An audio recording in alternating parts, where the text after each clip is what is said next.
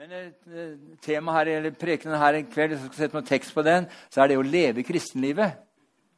Hvordan lever vi i kristenlivet? Sikkert eh, du, Esaias 1, 19. Dersom dere er villige og lydige, så skal dere få ete landets gode frukter. Vi vil jo ete det som er godt. Ikke sant? Dette betyr at, at, det, vi, at det, holder, det, holder, ikke bare med å være lydig. Et barn kan være lydig sine foreldre i visse saker og ting, men det bør ikke være villig. Det gjør for at det må. Altså må begge sider deler oppfylles. Både villighet og lydighet. Amen. Eh, Salme 119 og, 100, og vers 130 sier når dine ord åpner seg, så gir de lys. Altså, Når det er lyst i et rom, venner, har du ingen problemer med å finne fram. Men er det mørkt, så kan du lett tråkke feil og falle.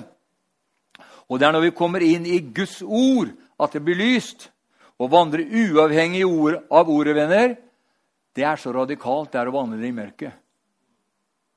En gang til. Det å vandre, leve uavhengig av ordet, er å vandre i mørket. Ja, men er det det? Ja, det er det. Helge sa der at, leste vi at når den som er ond, ond vet sine barn gode gaver. Hvor mye mer skal ikke da du og jeg, som er hans barn, bli del i de, del i gavene? Ja, eh, ja, hvor mye mer skal ikke vi få del i de enda større og bedre gavene? Halleluja. Det er sånn at når, når du og jeg begynner å vandre i lyset liksom han er i lyset, da har vi samfunn med hverandre Jesus Guds sønns blod, eh, renser fra all urettferdighet osv. Så, videre. så ser vi da at den som ber, han får. Og den som leter, han finner. Og for den som banker på, for, skal han, skal han, for han skal det lukkes opp.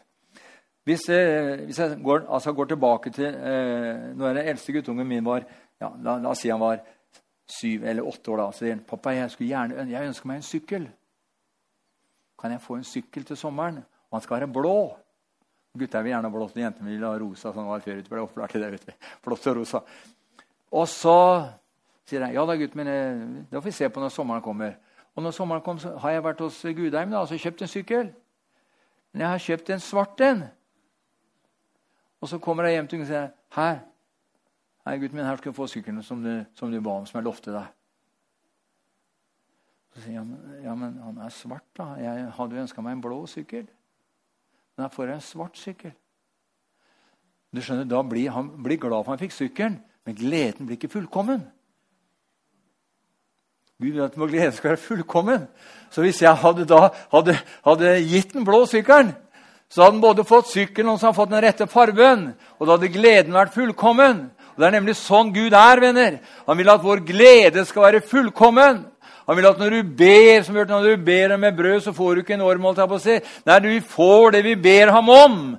Halleluja! Priset være Jesu navn. Så vet at, eh, eh, at når, du kom, når du jeg kommer inn i Guds ord, så blir venner. Å vandre uavhengig av ordet, sa jeg det er å vandre i mørket. I 1. Johannes 1,7 handler om at vi, skal være, at vi skal være sikre på at vi, at vi ikke lever i synd. Fordi, fordi, det å leve i lyset, det er å leve i ordet. Dersom lever i lyset ikke som han er i lyset, da har vi samfunn med hverandre. Og Jesu Guds sønns blod renser fra all urettferdighet. For det er nemlig sånn at når du og jeg lever i lyset, så lever vi i konstant renselse fra synd.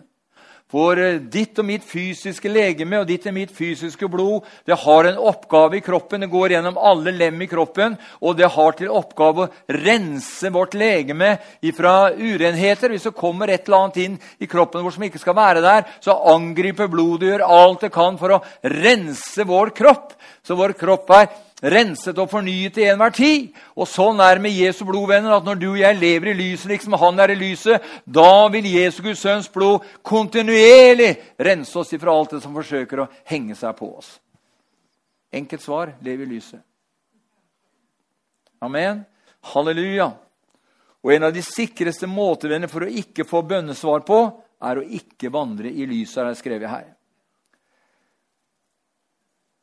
Markus 11, 23-25 snakker om det handler om utilgivelse, som i praksis betyr at så mye som er snev av utilgivelse i våre liv, venner, vil være nok til å hindre oss både i, å, både i vår tro og i vår forbindelse med bønnesvaret. Så dersom vår tro ikke fungerer, så bør kanskje dette være det første vi bør sjekke opp. Paulus sier at vi skal stanse litt opp under veien, sier han. Nå skal vi sjekke efter hvor vi står i forhold til troen. Om det er noe som har eh, lagt seg på, som vi behøver å, eh, å, kvitte oss med. Og så er det veldig viktig å ha, ta en oljeskift en gang imellom òg, da. Et himmelsk oljeskift. Halleluja. Men utilgivelse, venner, står vi imot på samme måte som vi står imot synd og alt annet som forsøker å skade oss. Stå ham imot, Fast i troen han skal fly fra deg. Fly fra oss, eller fly fra deg og meg. Stå ham imot. Kommer det en tanke som ikke er av Gud, så står vi den imot i Jesu Kristi navn. Ja, men den tanken var så fin. Den var så godt for kjøttet, liksom. Ja, men jeg spør, så er det kjøttet du vil tilfredsstille, eller er det han som ditt hjerte har sagt ja takk til du vil tilfredsstille? Hør her. Satan vil komme med tanker til oss, venner, men vi vandrer ikke etter våre hoder, men etter våre hjerter. Hus tanker som ikke blir uttalt eller satt ut i livet, vil dø ufødte. Vi må ikke gi det næring så det blir født. Vi trenger å forstå dette, for Satan er hele tiden på jakt etter å felle, å felle oss. Og en av våre mektige våpen i striden er å gjengjelde Hør når jeg sier nå. Et av våre mektige våpen eh, eh, skrev jeg nede i går er å gjengjelde det onde med det gode. Matteus 5, 44. Vi skal ikke gjengjelde det onde med det onde, men vi skal gjengjelde det onde med det gode. For da samler vi nemlig glødende kull på den personens hode osv. Og, og ofte er det slik at når vi som kristne tenker på syndvenner, så tenker vi på fysiske synder. Vil si synd begått av, i kjødet. Men det fins verre synder enn det. Og det er synder som baktalelse, det er utilgivelse.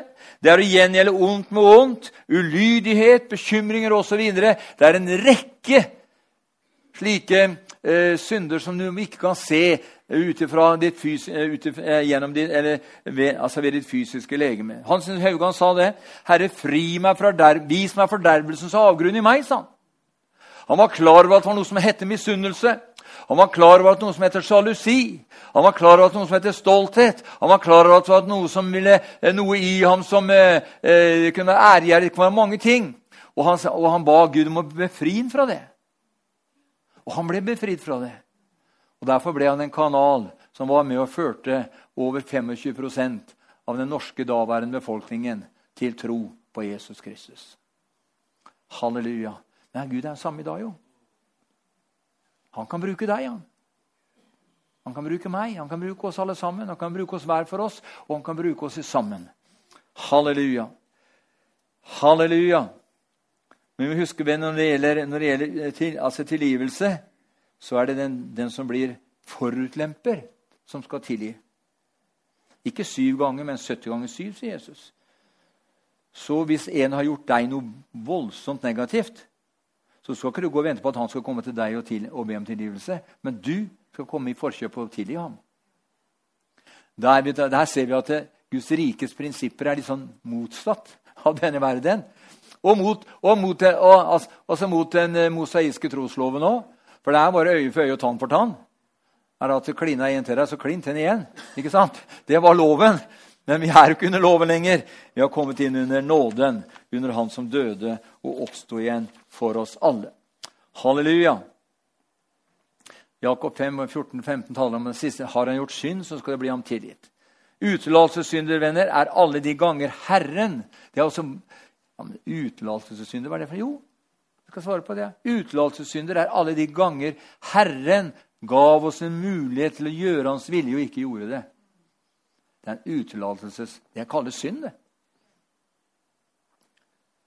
Og dette vil også være et grunnlag for å hindre oss i vår tro og i å få bønnesvar.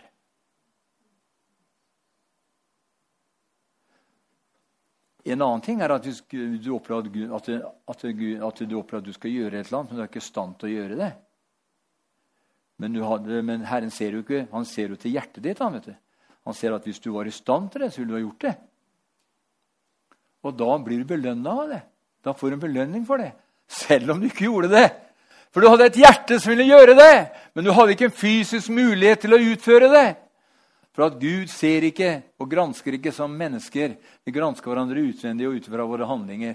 Men Herren, han gransaker våre hjerter, står det. Halleluja.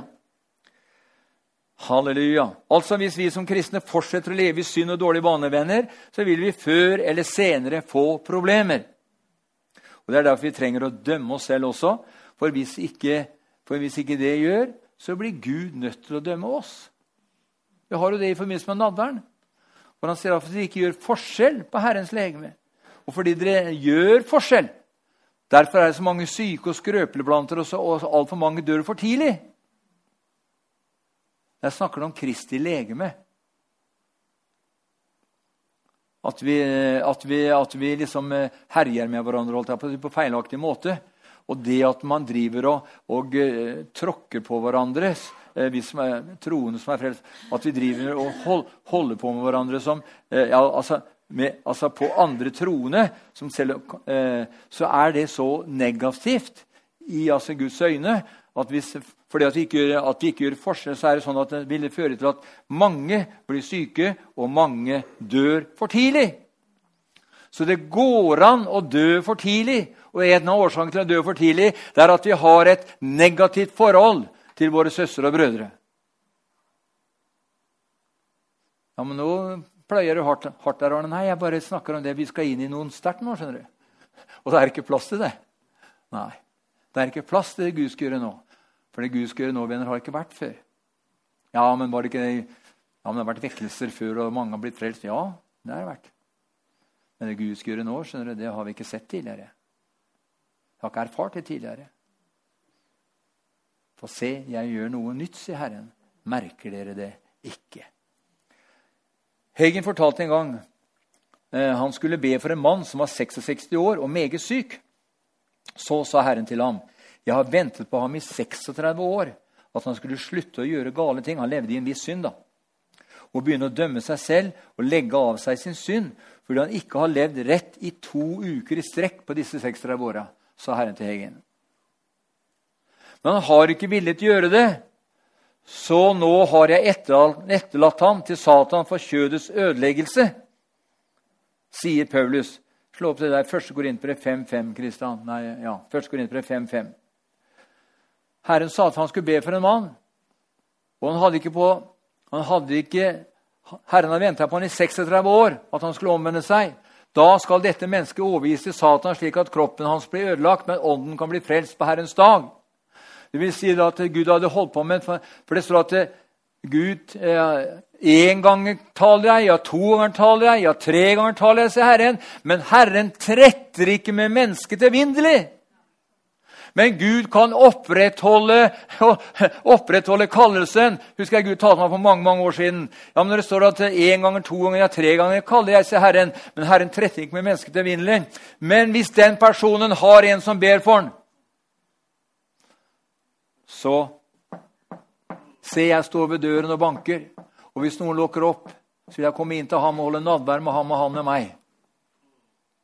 Men Gud står ikke ute på trappa der og banker. Han ser du er inne på kjøkkenet, her, men du gidder ikke å lukke opp. vet du. Jeg vet ikke hvor lenge du og jeg hadde giddet å stå på ei trapp. Ja. Jeg har sett dem over på kjøkkenet der, og det ringte på bjella, og ingen kom ut. liksom. Og Sånn er det med Herren òg. Men han tretter ikke med mennesker. Men så, det, så er det kanskje en som ber for den personen. Da står Gud og banker på hjertedøra. Og når han holdt ut med den personen her i 36 år Han hadde ikke levd to uker i ett strekk uten å synde. Og da hadde ikke Gud noen annen løsning overfor Hegen. Det som står her. Overlatt, overgitt til Satan. Men han får oppleve problemer og vanskeligheter. Så venn vil han vende om, skjønner du. Det var kong det, som var så mektig.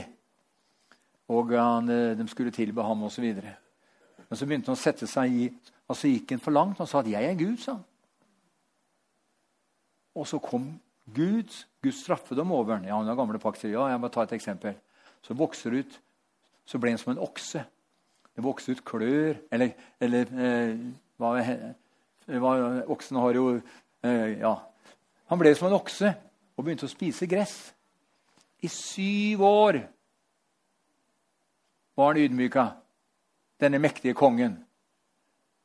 Men så kom han til seg sjøl. Akkurat som den fortapte sønnen. Han var ute og klina bort hele arven sin, eller den arven han hadde fått. Og alt var borte. Men en dag kom han til seg selv, og han sa, selv tjenestefolket hjemme hos min far har det bedre enn jeg har det her. Jeg vil gå hjem til min far og si, 'Jeg har syndet imot himmelen og mot deg.' 'Kan jeg få lov til å være som en av dine eller, eh, tjenere eller leiekarer?' Gud, venner, han er en som oppretter.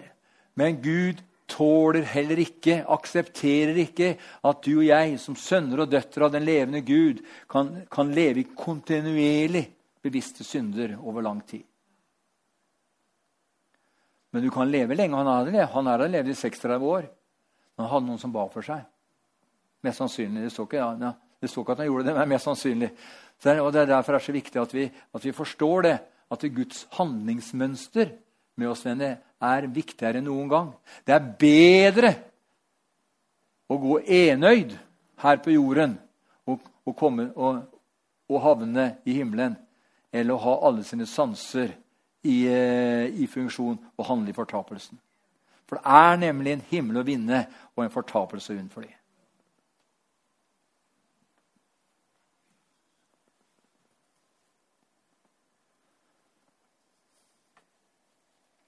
Og 1. Johannes 3, 21 sier at dersom vårt hjerte ikke fordømmer oss, venner, så har vi frimodighet for Gud.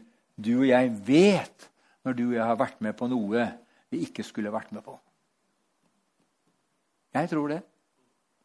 Ja, men i den, i, den, i, den, situasjonen vi lever i da, så er det så viktig å ta hensyn til offeret. Nei, altså til overgriperen. Og flere psykologer, flere psykologer der. Verre blir det, skjønner du. Jeg har ikke minste respekt for en eneste psykolog. Ja. Det hjelper ingenting. Og psykologene finner ut at overgriperen han har hatt en vanskelig barndom. Han hadde en vanskelig skolegang. Han hadde en vanskelig ungdomstid. Så vi må jo ta hensyn til overgriperen. Og det er klart at ja, men han drepte jo. Ja, men det var, i et, eh, det var i et psykotisk tilfelle eller situasjon. Han var seg ikke selv. Ingen må komme og fortelle meg at en person som går bort og stikker ned en annen og dreper en annen person, ikke er ved sine fulle fem og vet hva han gjør. Men så langt har det gått. Vet du hva Bibelen sier om den som med fullt med fullt overlegg forvolder død på en annen person? Skal selv bøte med livet. Det sier Guds ord. Ja, men eh, gjelder det da? I USA gjelder det i hvert fall.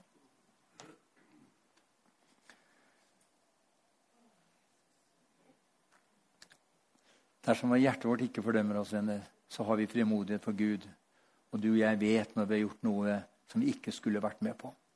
Og det er når vi lytter til andre røster og ikke til vårt hjerte, at vi fort kan bli fordømt. Det var et team en gang som skulle ut og evangelisere, men lederen i den menigheten de besøkte, var svært dømmende. Og når han så at damene hadde øreringer og halskjeder, så anklaget han dem og sa dette går ikke. Og fordi de tok dette til seg, og, nei, og, og, unnskyld, og fordi de tok til seg det han sa, så mista de frimodigheten til å vitne. Han hadde jo fordømt dem. Dere, dere bruker øreringer og halskjeder. Da kan ikke dere vitne. Nei, da mister det teamet mista, mista frimodigheten sin og begeistringen sin. Nei, om ditt hjerte ikke fordømmer deg og meg, venner, så har du ei frimodighet. Husk ifølge Romerne 8,1 så er det da ingen fordømmelse for den som er i Kristus Jesus. For den som er i Kristus Jesus. Jeg husker på våren 1975 Jeg hadde følge med Laila da jobba nede i kredittkassa. Og, og, så var det en, eh, og så var det en, eh, en broder som hadde eh, som hadde sett hun hadde øreringer. vet du. Så kom hun til meg nede i butikken. 'Du Arne', sa han. Kom han sånn, 'Du Arne?' 'Ja', sa jeg. 'Jeg ser din kone bruker øreringer', sa han. 'Hva har du tenkt å gjøre med det?' Hva har du tenkt å gjøre med det? Ja, men Sånn var det. Men så kom Åge vet du, Åge Åleskjær og løste en del, en del sånne, sånne, oppleste regler som ikke hadde noe med Guds ord å gjøre. Han sa at når Abraham skulle finne en hustru til Isak, så sendte han eh, Elieser eh, til, eh, for å finne oss. Og, og når Elieser kom der, og de kjenner hele historien med kammerene og Gaban, og alt dette her sånn, så ga han henne, den Rebekka, masse smykker. større. Og så sier Åge jeg glemmer aldri det, var på et, eh, et, et stort pinsemøte en gang så sier Hvor fikk Elieser sine smykker fra? Hvor fikk han sine smykker fra? Selvfølgelig henta han dem i Saras smykkeskrin. Det er ikke noe gærent å ha smykker. vet du. Men det er ikke det du skal bli kjent for, at du er en sånn smykkebærer. Nei, det er noe helt annet. De klarte ikke å liksom balansere det. Og når Åge satt, sa på det møtet, da satt folk sånn. Og de sa ja, skal ikke bruke mer tid på det. Hvor hentet Elieser sine smykker til Rebekka? Jo, han har selvfølgelig fått dem ut fra Saras smykkeskrin. Jeg tror det var sånn. Halleluja! Og Hebrevet 12,1 sier, 'La oss avlegge det som tynger', osv. Vi har vært inne på det litt tidligere her. Vi ser her at det kan være saker og ting vi bør legge av under vandringen, for det er så mye som vil forsøke å hindre oss i å komme inn i fullheten av Guds vilje for oss. Halleluja. Og I dag ser jeg at det er mange som lurer på hva er synd for noe. Jo, synd er, er ifølge 1. Johannes 3, vers 4, eh, og eh, i, eh, i Johannes 16, vers 9, der står at synden er, sier Jesus, at de ikke tror på meg. Altså vantroen, mangel på tro, kan føre oss inn i synd. Og la oss sjekke om det finnes tvil, vantro i våre liv vedrørende Guds løfter.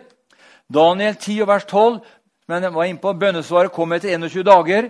Det var gitt den første dagen, men pga. motstand fra makter og myndigheter så tok det 21 dager før det ble overlevert. Og mange faller tilbake i vantro dersom ikke bønnesvaret kommer med en gang. Husk, en tro som er virksom i kjærlighet, sier Galater 5,6, er den tro som behager Gud. Og Hvis vi tar et eksempel fra Matteus 7, 24-27 Matteus 7, 24-27, så står det at den som hører mine ord og gjør etter dem Dette handler ikke bare om å tro på Jesus, venner, men det å gjøre det han sier. Den som hører mine ord og gjør etter dem. Halleluja. Med andre ord en ordets gjører, og ikke bare en ordets hører. Troslivet er ikke alltid det letteste livet å leve heller. Har du merka det? Fordi det er knyttet til en strid til det som kalles troens strid. 1. Timoteus 6 vers 12. Det kan kanskje slå opp, Kristian. 1. Timoteus 6 vers 12. Jeg skal straks slutte her.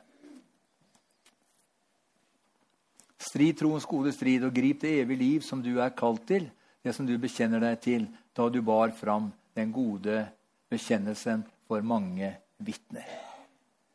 Halleluja. Vi ser her f.eks. troens strid. Vi ser for å ta et eksempel med, de tolv speiderne fra 4. Mosebok kapittel 13 og, fra, vers 32. De 12, det var tolv speidere. Ti hadde dårlig rapport, to hadde gode rapporter. Husk, troen, venner, har alltid en god rapport. Fordi den setter ikke sin lit til seg selv, men til Herren. Og, eh, altså troens strid. For som sangen sier, for alt det som ser umulig ut, har Gud en løsning på. Så hvis vi ikke kan gi en god rapport, så ikke si noe i hele tatt. Og ikke, og, og ikke gi noen rapport. Eh, eh, og svar alltid 'Gud er god. Han er på min side'.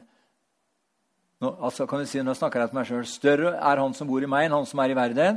Kjemp den rette kampen, kjemp troens gode strid. Gå ikke rundt og fortell andre om dine smerter, og problemer og nederlag. Nei, gi gode rapporter. Og Jeg sa til Laila så jeg leste den setningen her for å Den er til meg, sa jeg. For jeg, mange, jeg har mange mange som spør meg hvordan står det til. Ja, jeg har litt vondt i skuldra, sier jeg da. vet du. Og da talte det her til meg i dag at det skal jeg ikke si. Jeg skal bare svare Gud er god. Gud er god. Amen. Halleluja. For da forherliger jeg smertene, og da forherliger jeg de, eh, han som er opphavet til dem. Ja.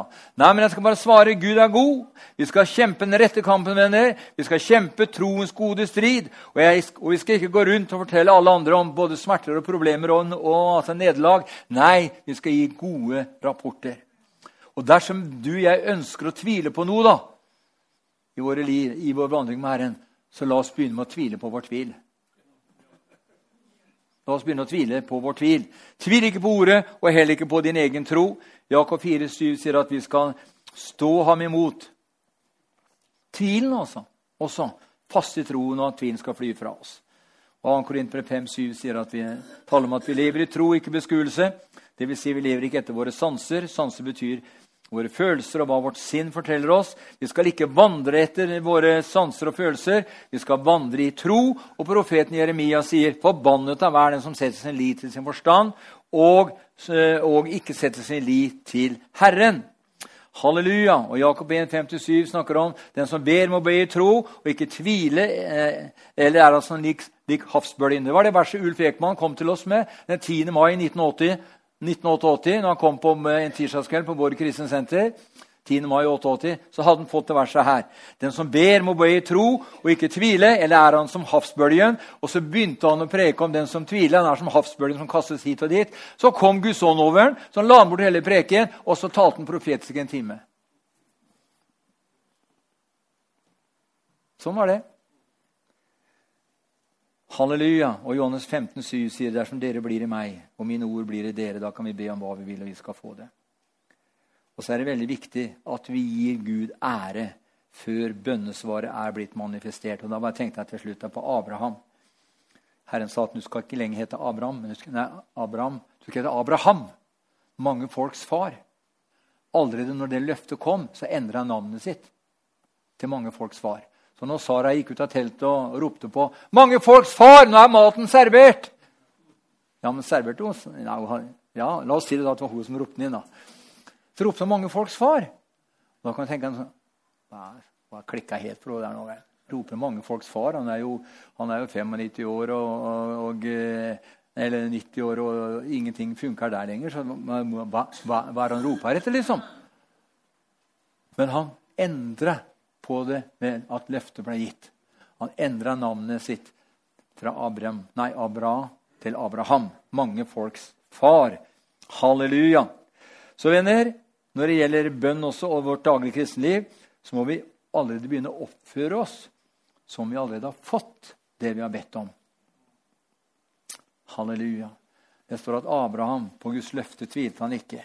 Men han ble sterk i sin tro i det han gav Gud ære.